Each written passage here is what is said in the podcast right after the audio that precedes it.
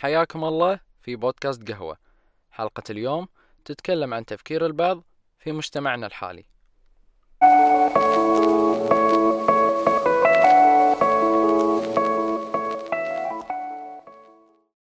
للعلم الموضوع يخص الذكر والأنثى وبيك تركز قبل بداية الموضوع على كلمة البعض وليس الكل.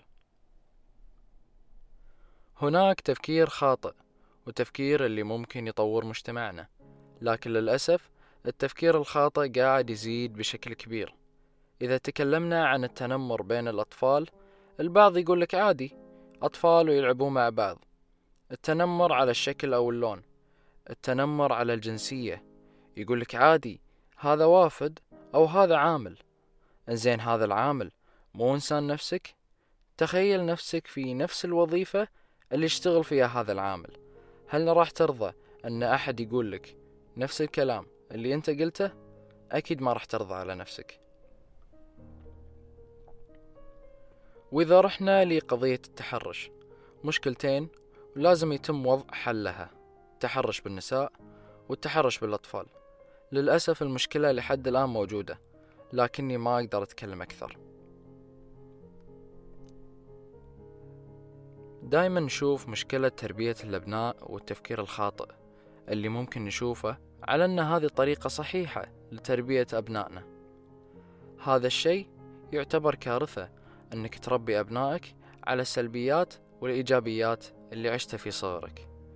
إذا كنت تبي تربي أبنائك ربهم على الإيجابيات اللي خذيتها من أمك وأبوك. فكرة أنك تقول أنطقينا وتعلمنا وما فينا للعافية هذه جملة خاطئة وحط تحتها مئة خط. وإذا تكلمنا عن الاكتئاب أول شي بتقول ابتعد أو ابتعدت عن الدين واصبحوا شخصية مكتئبة وشخصية ضعيفة. هذه الأعذار دايما نسمعها لكن وين راحت الكلمات السلبية اللي تزرعها كل يوم في جسمهم؟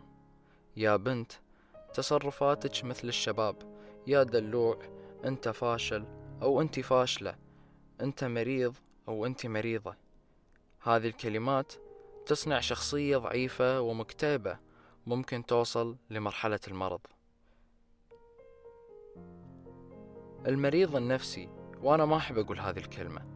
المريض النفسي هو إنسان لديه مشكلة ويتم علاجها عند الدكتور ويعود هذا الإنسان يعيش حياته لكن نظرة الناس للأشخاص اللي يروحون للطبيب النفسي؟ نظرة إنسان خطير على المجتمع. شيء واحد أبي أعرفه. ليش هذا التفكير؟ هذه المشاكل دائما تكون متواجدة عند الأطفال أو المراهقين من البنات أو الشباب. وفي نهاية موضوعنا الكلمات السلبية كلمات تحطم الإنسان والبعض يشوفها كلمات تعليمية وتربوية. لإنتاج شخصية قوية لكن بالأخير بيطلع إنسان مكسور تعبان نفسيا ومكتئب. أنت المسؤول وتفكيرك ممكن ينهي الشخصية التي أمامك.